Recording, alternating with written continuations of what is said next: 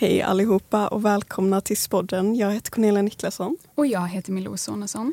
Och den här veckan är vi tillbaka med ett alldeles nytt avsnitt med några nya spännande gäster. Ja, idag sitter vi här med studie och yrkesvägledarna Petra Mannhammar och Helene Hogan. Välkomna. Tack så mycket. Tack så mycket. Ja, men eh, vad trevligt att ni är här. Ja, men vad kul. Ja. Tack för att vi fick komma. Ja, vi är jätteglada för att dela med oss av, av våra tankar och, och så. så att, tack så mycket för att vi får komma. Ja, men eh, ska vi börja med frågorna direkt? Eh, skulle ni vilja förklara vad gör en studie och yrkesvägledare? Ja, vad gör inte Oj. en studie och yrkesvägledare? Eh, jag tror nästan att eleverna här, eller en del elever, tror att vi gör allt. För jag fick den konstigaste frågan en gång på V-klass och det var Eh, våra lärare har sagt att man bara får vara sex stycken som målar eh, flaklakanet. Tror du att jag kan vara med ändå?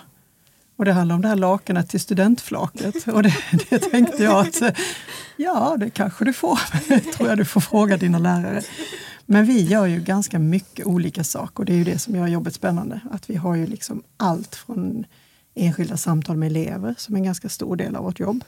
Eh, men vi går ju också ut i klass, träffar grupper, men vi, håller, vi jobbar också mycket administrativt. Vi jobbar med kontakt ner mot grundskolan. Vi jobbar med kontakt efter gymnasiet. Det kan vara universitet, högskola, det kan vara yrkeshögskolor, komvux, folkhögskolor. Eh, och sen skulle jag väl säga också att vi jobbar mycket med strukturen för eh, era studier. Att vi sitter med i grupper där vi planerar vilka kurser man kan få välja till under tiden. Eh, nu till exempel jag som är eh, på samhäll och på humanistiska programmet. Vi ska ju starta samhällsmusik nästa läsår. Och då har jag ju fått sitta jättemycket med rektorn och fundera tillsammans med Johan. Ja, men vad ska ingå i samhällsmusik? Hur tänker vi här och hur ska det bli så bra som möjligt? Mm. Så det är väldigt spännande. Man får med planering och och sånt. Mm. Ja, man kan ju säga att huvuduppdraget det är ju just det här med information är ju en stor del, precis som Petra säger, att vi informerar på olika sätt för att eleverna ska vara välgrundade för att sen kunna göra sina val oavsett om det är från grundskola till gymnasiet eller från gymnasiet högskola, folkhögskola, yrkeshögskola eller vad, vad det nu kan vara. Och sen är det ju vägledningssamtalen och det kan ju vara individuellt och det kan vara i grupp beroende på hur det ser ut. Och sen har vi ju våra etiska regler så att det, så, det som vi hanterar med våra elever här på Spyken, det liksom stannar oftast hos oss om det inte är så att vi måste gå vidare. Så att eh, det är också bra att veta att, att säger man någonting till oss eller man diskuterar sitt och sina tankar så, så är det privat. Vi delar aldrig med oss om det för någon annan. Jag tycker också att det här du sa med att, eh, att vi vägleder enskilt men också i grupp. Vi gillar ju verkligen, är det så att några stycken har samma frågor, att man kommer nej, men tre, fyra stycken. För det blir också en annan dynamik och man märker att ni kan hjälpa varandra till att komma fram till saker. Vi säger ju aldrig vad vi tycker. Jag vet inte hur många gånger vi har fått frågan, men vad tycker du jag ska välja? Ja, men det kan ju inte jag säga. För om jag säger det och du inte är nöjd, då är det ju liksom jag någonstans som har sagt att ja, men det här borde du välja. Men är man tre, fyra stycken så hjälper ni ofta varandra att komma fram till saker. Ja, men hur hade du tänkt? Och hur, vad tycker du? Alltså, ni kan ju berätta för varandra vad ni tycker. Och sen är ni också vuxna, så att ni kan ju också strunta i vad andra tycker. För det, det, ni är vuxna och, och gör det. liksom. Jag kommer ihåg att jag tyckte det var väldigt skönt i ettan när jag och Hedda vi gick engelsk profil tillsammans, en av mina kompisar. Och då hade vi lite liknande frågor om just det. Och det var rätt skönt att kunna gå tillsammans för det kändes lite tryggare. Och sen så kunde man så här, ja, men bolla lite och det var saker som hon hade tänkt på som inte jag hade tänkt på så det kändes mycket tryggare. Mm. Mm rekommendera det. Ja, vad bra, vad för bra. det tycker vi också. Ja, och sen är det ju också så att när man sitter hos oss så är det många tankar och det blir en del information i samtalet. Och när man då kommer ut därifrån så kanske man har glömt en del. Så blir det ju när man matas. Och då är det också bra om man är fler så man kan, man kan komma ihåg lite olika saker. Så det är också en fördel med att, man är fler än en i sitt samtal, tänker jag. Mm. Men det låter som ett väldigt liksom, stort jobb att vara studie och yrkesvägledare. Det är mycket som man måste hålla koll på. Ja, men lite så är det ju. Och det som vi kan tycka det största ansvarsområdet, kan man väl säga. Men det är ju ett ansvar vi delar tillsammans med eleverna. Men det är ju att se till att alla har med sig det de behöver för att få sin examen, alltså ha möjlighet att ta en examen. Och det handlar ju om studieplanen. Eh, vi sitter ju och går igenom alla individuella studieplaner flera gånger bara för att se till att allting stämmer så man har allting med sig. För det vore ju väldigt tråkigt om vi missade, ja men du behöver välja till 100 poäng. Oj, synd, det blir ingen examen. Man kan ju inte säga att vi har det som ansvar, för det är ju Petra Karlsson som är ansvarig i, som är rektor i, i slutänden. Men vi sitter ju med elevernas studieplaner, vi sitter med elevernas val. Och det känns som ett väldigt stort ansvar tycker jag. Då får man vara noggrann och se till att, eh, att allting stämmer. Men vad gjorde att ni valde att bli just studie och yrkesvägledare? Ja, det var en lång väg. Jag gick en väldigt lång väg. Jag började direkt efter gymnasiet så började jag jobba på ett stort företag i Lund. Och sen blev jag kvar där på olika positioner, administrativa positioner men sen en dag så blev det en lite större omorganisation och jag hade ju inte vidareutbildat mig. Och då, eftersom jag inte hade någon vidareutbildning då, även om jag hade jobbat länge i företaget, så fick jag ett alternativ att antingen gå tillbaka till rent administrativa uppgifter eller att gå från företaget. Och då hade jag en chef inom personalavdelningen som var väldigt stöttande så att han peppade mig att gå därifrån. Eh, och då tänkte jag, ja, det kan jag visst göra, men, men vad ska jag göra då? För jag visste ju bara det jag hade jobbat med i 27 år. Så då började jag fundera och då gjorde jag det här berömda testet på Arbetsförmedlingen. Ett sån där enkel, enkel intressetest. Och så fick jag lite förslag på olika eh, ja, positioner som, som skulle kunna passa just mina svar. Och då fick jag bland annat studie och yrkesvägledare. Och jag visste inte vad en sån gjorde för jag hade liksom inte varit i kontakt med mer än när man gjorde sin praktik på högstadiet. Typ. Det var ju lite annorlunda förr. Så då gick jag in och läste platsannonserna på Arbetsförmedlingen och så, ja men om man jobbar som studievägledare, vad ingår då i mina arbetsuppgifter? Vad söker man? Och när jag läste den så tänkte jag, men det är precis det här som jag vill jobba med. Och sen sökte jag upp, var finns den utbildningen? Ja, då fanns den i Malmö. Mm. Så att jag utbildade mig ganska sent i livet. Och det visar ju lite på att det finns inga raka vägar utan man, man börjar ofta på en bana och sen ändrar man banan sen. Så att jag var inte färdig studievägledare förrän 2009. Och jag brukar ju berätta i klasserna hur jag blev studie och yrkesvägledare och det är ju egentligen från början ett skämt med en kompis. För jag var också lite äldre. Jag var inte så ordentlig på grundskolan så att jag kom faktiskt inte in på gymnasiet, tro det eller ej. Jag fick gå ett år och jobba på dagis innan jag kom in på gymnasiet på någon särskild variant eller sådär. Så då blev jag barnskötare. Och sen när jag fick ett eget barn, ganska ung var jag när jag fick min flicka, då upptäckte jag att jag tyckte inte om barn i allmänhet utan jag tyckte om mitt barn, men inte de andra barnen. Vilket gjorde att då var jag så här, okej, okay, barnskötare kanske inte är helt hundra om inte man gillar barn. Alltså det är inte så att jag ogillar barn, men det är inte så rent allmänt att jag tycker om att byta blöjor på barn och torka snoriga näsor. Så flyttade vi till Lund och så tänkte jag men då får jag gå komvux. Och så började jag på komvux och plugga in samhällsvetenskaplig behörighet. Och sen har jag läst jättemycket konstiga grejer. Etnologi, filosofi, konst och ja, jättemycket. Testat mig fram och sen eh, fick jag mitt andra barn och då tänkte jag nu får jag nog klippa mig och skaffa mig ett jobb. Typ. Vad ska jag göra liksom, i mitt liv? Och så skojade jag med en kompis. Sa jag, men jag borde ju bli syokonsulent, sa jag, för det hette det när vi var unga. Jag som inte vet vad jag vill. Och då, ja men det kanske du ska bli, sa hon. Sen testade jag det på lite fler kompisar. Så där, ja men det borde du bli. Så där, men jag, jag kanske ska testa det. Liksom. Men då sökte jag faktiskt till mäklare i första hand och studie i andra hand. Men jag kom inte in på mäklarutbildning för jag hade inte tillräckligt mycket matte. Så då blev det studievägledare och det är ju det bästa jobbet. Jag är glad på måndagar när jag cyklar till jobbet. Då vet man att man har kommit rätt. Ja. Om man är glad på måndagar. ja, ja. Men hur länge har ni jobbat på Spiken?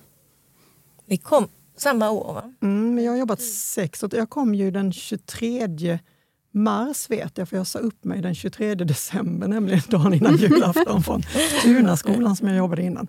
Eh, så jag har varit där i typ sex och ett halvt år. Mm, då har jag varit där i sex. Ja. För jag kom i september samma år då. Och då kom jag från Genarps grundskola och hade också varit på Lunds fordonstekniska gymnasium. Så kom jag till Spiken. Mm. Så ni har jobbat både på högstadie och på gymnasieskolor? Ja. Är det någon skillnad mellan, skulle ni säga? Jättestor, Jättestor skillnad. är det, ja. Jag tycker nästan det största för mig, jag som gillar att veta mycket. Jag gillar att kunna mycket och kunna svara på saker. och Vet jag inte så tar jag reda på, tänker jag. När man jobbar på grundskolan så kan man ju faktiskt kunna hela Lunds utbud av gymnasieskolor utan till och lite så. Men när man kommer till gymnasiet så alltså man har ju ingen aning om vem som kommer in genom dörren och vad de vill. Och, Eh, som det kan, ja, utlandsstudier är ju jättemycket och hur ska man veta? Vi kan ju inte hela världens utbildningssystem. Och då, det är mycket eget ansvar för eleverna, men det har varit svårt för mig att släppa att bolla tillbaks. Ja, men jag, kan inte, liksom, jag kan inte berätta hur du ska gå tillväga, men här har du lite länkar som kan vara behjälpliga, så skickar jag lite länkar och sådär. Ehm, för det ingår inte riktigt i vårt uppdrag här på Spyken att vägleda till liksom Cambridge eller, eller sådär. Eller, det, jag kommer ihåg jag fick en hemsida på koreanska, någon elev som ville söka till något koreanskt universitet och jag bara, jaha, vad ska jag göra med den här sidan? Liksom? Jag kan inte koreanska. Så. Det är lite som att måla lakan. Liksom. Ja. Att jag vet inte det heller faktiskt. Så att, eh, det går en snabbkurs. Så det, det tycker jag har varit den största förändringen från grundskolan. Mm, och det är också den största utmaningen kan man då säga. Att eh, när de går i högstadiet då är det gymnasiet som oftast gäller. Men sen när man kommer till gymnasiet då finns det ju så många olika vägar. Och det är ju också så att eleverna blir lite mer förvirrade som vi varit inne på. Mm. Alltså så att man vet inte vad man vill. För det finns så mycket. Och där är ju utmaningen eh, för oss kan jag tycka i, i samtalen också. Ja, och vända till att det faktiskt mm. är det här är ju fantastiska mm. möjligheter. Mm. Det här är ju spännande grejer att få liksom välja vidare. Ni har ju alltså, ni har hela världen öppen för er. Så spännande och roligt. Mm. Sen tycker jag en annan sak som är en stor grej är ju också att eh, på grundskolan jobbade i alla fall jag jättemycket med vägledning neråt i åldrarna. Så att jag hade mycket projekt. Vi hade stora dagar, projektdagar som jag roddade i. Liksom där vi hade schemabrytande, så alla årskurser 6, och 7, 8 och 9 och gjorde lite olika saker. Och Det kunde vara ja, men, eh, till exempel ifall det var sexorna kanske hade något författarbesök, någon illustratör och sen fick de göra barnböcker som de sen läste för yngre, de som gick ettan och tvåan på Tunaskolan och sådär. Så att det var mycket mer utrymme för den typen av projekt och det kan jag sakna. Här är ni ju, det är lite mer fyrkantigt här, vad vi, vad vi har möjlighet att göra. Nej, jag hade inte sagt nej till en sån eh, projektdag. Det låter ju jättekul. Mm. Ja, faktiskt. Mm. Ja, för den stora skillnaden här blir att det är så fokuserat på utbildningar. Mm. Men den andra stora delen med arbetsmarknaden, den blir ju den blir lite åsidosatt för att vi inte kan jobba med de här projekten. Mm. Men vad skulle ni säga är roligast med ett jobb? Oj, mycket. Allt. Ja, men det är ju... Ni. Ja, det är klart Våra det är möten med eleverna, det, det, det, det är det ja. roligaste och mest underbara. Det lät som en kliché, men det är faktiskt sant. Det, ja, det, är, det är sant. ju det som gör att man verkligen hoppar upp sängen på måndag morgon. Mm. att man får möta er. Mm. Det är fantastiska ungdomar här. Sen har vi otroligt fina kollegor. Mm. Alltså ni har så duktiga lärare och pedagoger som är så brinner liksom för er och sina ämnen. Och vi har ju också vårt, våra elevhälsoteam, eller elevhälsan på Spyken. Mm. Eh, vi sitter ju med i alla fyra, eller inte nu sitter ju inte du med i ES för tillfället. Jag har för tillfället. Ja, men annars så sitter vi gemensamt med i alla fyra. Så att vi är ju med i alla elevhälsoteamen, så vi liksom har ju alla, alla är våra kollegor i elevhälsan. Och vi har så roligt på mm. första våningen i B-huset. Det är mm. väldigt kul att sitta där och jobba. Det skrattas mycket. Ja. Det, det är skönt. Våra chefer brukar komma ner. Maria Hedelin är din chef och Johan Ax är min chef. Och de brukar komma ner och hänga hos oss för det är lite roligare på våningen. och sen tycker jag också samarbetet med, ja men jag har ju min chef Johan Ax, mm. vi samarbetar jättemycket. Alltså jag känner ett stort förtroende för verksamheten och att jag är kapabel till att göra mitt jobb. Liksom. Mm. Det jag betyder mycket. Jag kan bara skriva under det på, på Enna och Maria Hedelin, att det, mm. det gör mycket. Mm. Man får bra stöttning från sin chef. Mm. Så att säga en sak som är rolig, det är väldigt svårt. Mm. Men, men vi, vi, fick med mycket tycker jag. Ja, men ja. det är bra att det är på det hållet. Ja. Det hade varit jobbigt om ni satt och bara hmm, undrar vad som är roligt med mitt jobb. Vi är tyst i fem minuter. Ja. Sådär reklam för att bli yrkesvägledare. jag har faktiskt en till fråga som jag inte har skrivit ner men som jag mm. blev lite nyfiken på. Det här med samhällsmusik. Ja. Mm. När ska det hända? Eller när blir det tillgängligt? Nästa läsår, 24-25. Så vi lanserar det nu hårt. Mm. Och det som är spännande där är ju att vi har ju naturmusik och sen har vi ju ES musik och musikspets ES. Mm. Så då blir det liksom ett komplement ytterligare till den här stora musikdelen som vi har på skolan redan. Mm. Ja, om jag ska bara säga lite kort så är det ju samhälle i grunden. Det är lite mot beteende. Mm. Eh, det är ju samhälle med språk och det är två kurser matte. Vi har psykologi och sociologi, så lite mot beteendehållet. Och sen har vi en liten kladd med musik. Mm. Eh, så att det är ett komplement. Vill man läsa musik, musik så är det ju absolut estetiska programmet man ska gå. Där får man enskild undervisning, man kan musikimprovisation och, mm. och musikalen och allt det här som, som finns. Är man naturvetare så ska man ju läsa naturmusik. Men är man samhällsvetare och har ett musikintresse så, så tycker vi att detta har saknats lite grann. Mm. mm. Faktiskt. Så det är väldigt spännande. Men ska vi gå vidare till våra Instagram-frågor kanske? Ja, det gör vi. Ja, våra följare har ställt eh, några stycken frågor till er som de bara måste veta svaret på. Exakt. Ja, då kör vi det. det kör vi. Någon undrar, vad hade ni valt på gymnasiet om ni fick göra om era val idag? Den har vi också funderat på många gånger. Mm. Eh, jag tror jag hade valt antingen samhällsprogrammet eller humanistiska programmet.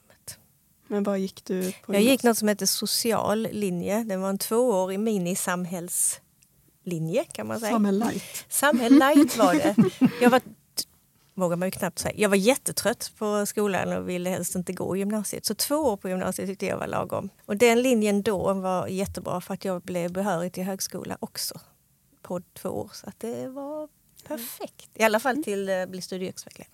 Eh, men jag hade nog valt samhälle eller humanistiska mm. idag jag tycker ju blommor och sånt är väldigt kul och jag gillar, älskar hundar. Alltså hundar är, jag håller på att lobba för att vi ska ha skolhund på Spiken men, ja. men jag, jag, vet inte om jag, om jag får igenom det, men jag jobbar hårt. Så att kanske naturbruk mot hund hade jag kunnat tyckt var jättekul. Eller liksom mot blommor, trädgård och sådär.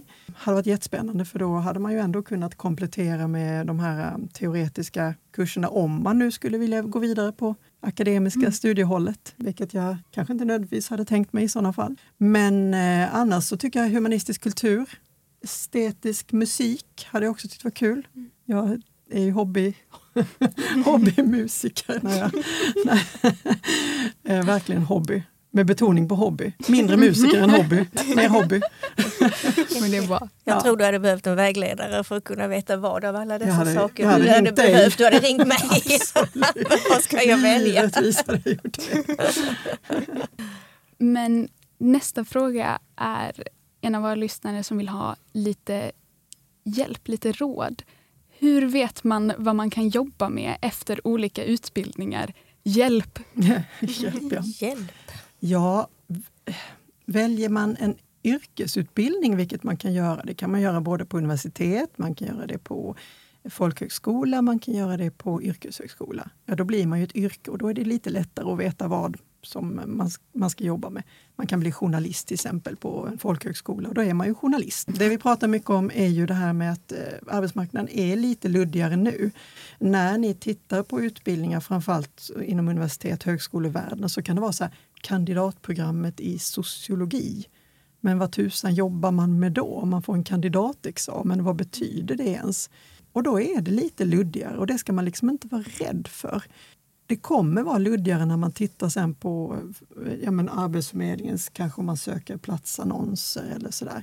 Det kommer vara lite luddigare, men jag tänker också att under resans gång inom universitetsvärlden nu om, om man väljer en, eh, den vägen, så, så faller saker på plats. Man inriktar sig under sin utbildning och då har, får man lite mer koll på vad, åt vilket håll man, man kan gå när man sen ska ut i arbetsmarknaden. Det är en ganska luddigt svar, men det finns liksom inga rena svar på vad man kan jobba med efter. Man kan säga så om man får en kandidatexamen så kanske man inte man blir någonting, men man får en kompetens. Eh, man kanske inte jobbar som någonting, men man kanske jobbar inom områden.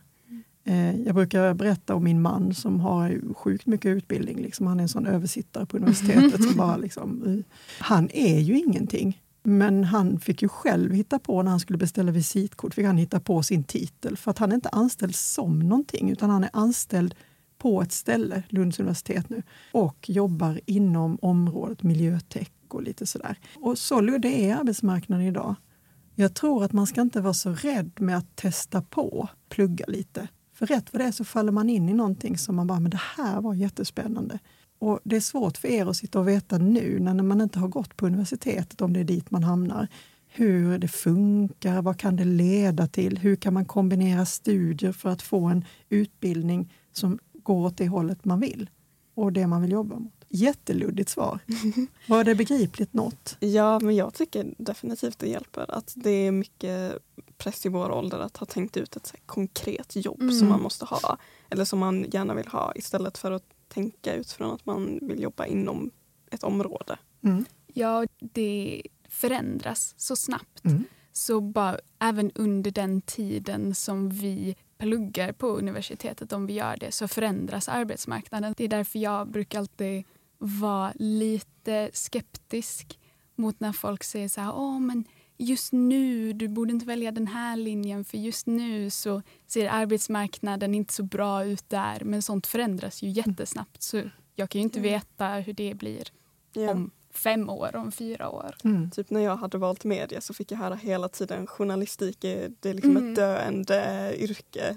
Det, det, kommer inte finnas längre. Men ja. nu så, så verkar det fortfarande existera. Jättebrist på journalister just nu. Ja. Härligt. Mm. Alla bara, Åh, snälla bli journalister, vi har inga.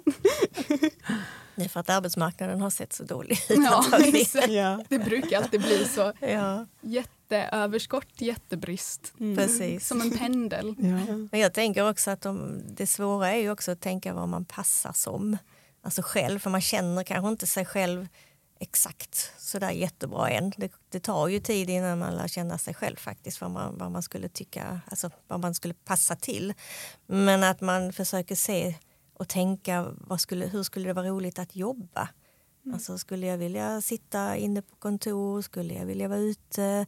Skulle jag vilja ha med människor att göra? Så alltså man börjar liksom lite bredare och sen nischar in sig. Mm. Och tratta ner det. Tratta ner det lite mm. och, och, ser, och, och tittar när man, när man då hittar några utbildningar som är kanske intressanta då, att man tittar på vad det är för kurser man, man läser. Mm. För att ibland vissa utbildningar, det har man ingen aning om vad det är för utbildningar för de har ju någon fancy titel som ingen begriper.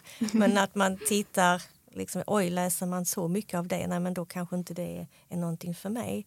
Men här, ja, oj, här är ju liksom, inom det här området verkar ju jättespännande, här skulle jag kunna tänka mig. Att, och då på så sätt tratta ner det. Sen tycker jag, jag brukar ju tipsa om det som du gjorde, att läsa mm. platsannonser på mm. Arbetsförmedlingens hemsida. För där står det liksom eh, väldigt mycket information. Dels får man reda på vilka arbetsplatser kan man jobba på, vilka söker olika typer av eh, arbetskraft. Vem söker de? Vilka egenskaper tycker de? Vad är uppdraget? Vad är uppgifterna? Till exempel vill man bli eh, journalist till exempel. Ja, men hitta platsannons och se okay, vad kan man jobba inom som journalist. För ni har ju, ja, ni har ju nästan jobbat som journalister men, men många har ju inte gjort det. Man har begränsad med erfarenhet. Och då kan man ju titta brett, precis som, eh, mm. som du säger. Att man kan liksom börja bredare och bara scrolla. Ja, men jag är intresserad av beteende. Okej, okay, jag kör på. Liksom. Vad finns det för beteendejobb på Arbetsförmedlingen? Mm. Och så börjar man där. Okej, det här verkar intressant, men hur blir jag det då? Och sen backar man ner. Och på så vis kan man liksom hitta vad man vill plugga. Men man kan ju ta vårt, vi har ju en yrkesutbildning och en yrkesexamen inom studie och yrkesvägledning men, men vi kan ju jobba väldigt brett det är inte bara i skolans värld som studie och kompetenser behövs utan det kan ju vara Arbetsförmedlingen, det kan vara på företag, det kan vara i skolor, det kan vara olika nivåer på skolorna. Så att det är ju sen vad man själv känner att Nej, men nu vill jag utveckla den här biten. Och då kan man ju liksom göra det efterhand. Eh, jag köpte ju böcker av en kille när jag började min utbildning. Han jobbade inom kriminalvården som mm. studie yrkesvägledare. Mm. Så himla spännande och viktigt. Mm. Att jobba liksom med intagna som ska ut i samhället och hjälpa till. Okej, vad händer nu? Liksom. Fantastiskt jobb. Mm. Det kanske jag skulle lämna spiken för. det låter väldigt intressant. Ja, men det Var du inte också inne att jobba med äldre? Ja. Alltså, Vägledning för pensionärer? Pension, typ, eller? Ja, men det här är min affärsidé. Ska du avslöja det nu? Nej. Jag tänker så här, pensionärsvägledning. Det gör du för själv. jättemånga. Ja, men nu, det var du som började. Ja, men jag tyckte den var så häftig. Den. Men många som går i pension har ju ingen aning. Det finns ju så mycket man kan göra som pensionär. Ja. Jag hade kunnat gå i pension imorgon för jag har så mycket jag skulle vilja göra. eh, och tänk att vägleda pensionärer, blivande pensionärer. Så kul! Ja. Men det låter faktiskt väldigt spännande. Ja. Börjar jag tänka på nu. För det är mycket, många pensionärer som tänker att eftersom att de inte jobbar så tar deras liv bara slut där. Eller hur? Ja, och bara väntar liksom. Mm. Och inte gör så mycket. Men det finns ju mycket tid som man kan göra. Ja, det är lugnt. Jag kommer kanske aldrig göra det så någon annan får sno den. Ja, för det finns mycket saker som man kan göra även i den åldern. Om tio år sitter ni och vägleder pensionärer ni två och Ja. tar Ja. min affärsidé. Mm, just det. Då vill du ha lite royalty. Ja, det vill jag ha. 10 procent. Vår hemliga plan. Men någon av våra följare undrar hur ska man prioritera när man vill plugga många olika saker? Alltså det beror lite på vad man söker men om det handlar om universitet och högskola så är det ju viktigt att man i alla fall sätter det som man allra, allra, allra helst vill som nummer ett. Eh, och man ska gå på, på hjärtat. Man ska inte tänka, ni var ju lite inne på det, man ska inte tänka att nej, men arbetsmarknaden är si eller så för mycket. Utan är det någonting man drömmer om, som man brinner för, så är det ju det som man ska välja först. För precis som ni sa, så arbetsmarknaden ändrar sig. Vi vet inte hur det ser ut om fem eller tio år. Man har prognoser i och för sig som man kan titta på.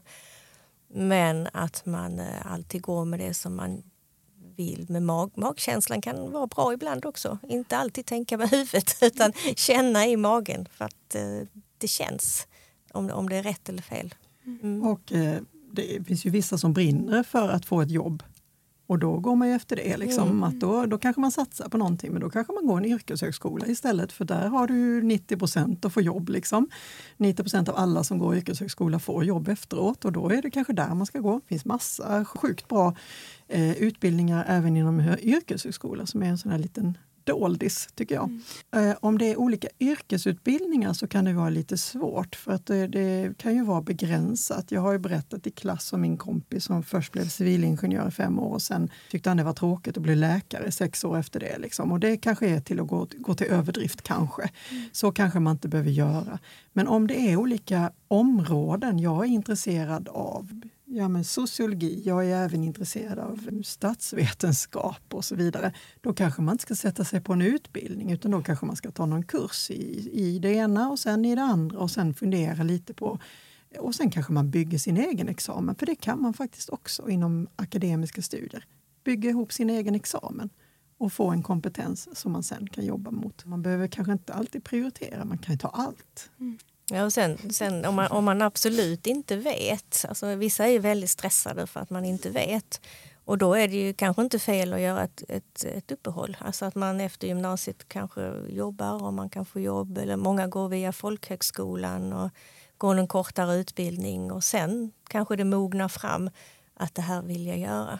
Så att eh, det är ju inte fel att ta ett sabbatsår om man är väldigt osäker eller om man är väldigt skoltrött. Eller om man bara vill. Eller om man bara vill. Alltså, Vi är ju exempel på att det går ju att faktiskt bli det någonting annat när man är lite äldre. Ja. Som man faktiskt också tycker är väldigt, väldigt roligt. Mm. Men det krävs ju mycket av en, en själv att man eh, tar reda på. Vi kan ju stötta eh, genom att visa vägar där man, kan, där man kan börja söka efter utbildningar eller hur man kan tänka eh, för att komma fram till vad man, vad man senare vill. Och även om inte det är, under tiden man går här så har de ju i alla fall hört och man har det kanske med sig när man, när man slutar. Om man inte vill söka direkt. Så att vi kan ju stötta, Hoppas vi. hoppas vi. Ja, och nästa fråga är ju lite Det var ju det sam- ni svarade Ja, på nästan nu. Men det är, vad har ni för tips om man är helt lost och inte alls vet vad man vill göra med framtiden? Och då tycker jag att man ska ta reda på så mycket som möjligt. Man går på Sacomässan tillsammans med treorna. Det gör alla tre åker på Sacomässan. Förra året fick vi med alla biträdande rektorer och jag tror i alla fall eh, Två vi försöker eh, få med dem i år igen Ja. och sen är vi där. Eh, och Sacomässan är ju en eh, mässa där det är massa universitet från hela Sverige men det är också från andra länder. En del folkhögskolor är där, lite yrkeshögskolor, CSN, polisen, militär. Alltså det är liksom massa olika utbildningsformer. Och där ska man utnyttja tiden. Liksom. Ta reda på innan. Det finns jättebra så man kan gå in och planera sitt besök där. Eh, ta reda på mycket där. Eh, nej men sen tycker jag också att man ska, ja men det finns ju inspirationsdagar, Lunds universitet har det, det ligger väl nära till hands eftersom vi, vi är i Lund. Men det finns också på folkhögskola, öppet hus och sånt där. Alltså kuska runt och, och ta reda på. För jag tror inte man vinner på att sitta hemma och fundera. Och jag tror inte heller man kan boka in en tid med mig eller Helen och tänka att nu kommer jag ut med en lösning. Nu kommer jag veta. För eh, vi har inte gått på alla skolor, alla utbildningar som finns. Det har vi ju inte gjort. Eh, så jag tror mycket på att ta reda på och vara nyfiken. Det är nog, det är nog absolut det. Och tagga ner. Det är inte så jävla bråttom. Var nyfiken, se det som möjlighet. Det är inte så bråttom.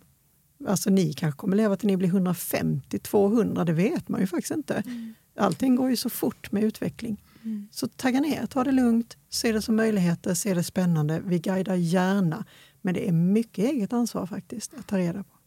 Det skulle mm. jag säga. Det låter bra. Sen är det ju så många kanske undrar då de som inte vet vad de ska göra nu under gymnasietiden utan behöver vägledning sen. Var vänder man sig då? Ja, är man vuxen och har avslutat gymnasiet så finns det ju vuxenvägledning i alla kommuner. Så det finns ju vägledare som hjälper en till rätta.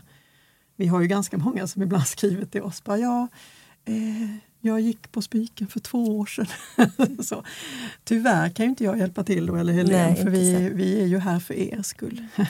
men, eh, men det finns ju vuxenvägledning och vill man mot universitetshållet så finns det ju vägledare på de olika institutionerna. Även på folkhögskolor, även på yrkeshögskolor. Mm. Så jag tänker att det finns massa bra hjälp att få. Och om ni slutar här om tre år och ni kommer på att ni, oj, då får man faktiskt mejla och fråga vart ska jag vända mig? Då kan vi svara. bra. Det är bra att veta. Mm. Då finns det alltid ett säkerhetsnät. Absolut. Men nästa fråga är det någon som undrar, den här frågan är till Petra då. Hur var det i Japan? det var ju jättebra. Mm. Det var fantastiskt. Eh, vi var i Tokyo, vi var i något som heter Koyasan, vi var i Osaka och vi var i Kyoto. Och vi tyckte höjdaren var nog eh, Osaka för det, var väldigt, eh, vi, det blev väldigt eh, spännande där för det var någon, en stad vi inte visste så mycket om.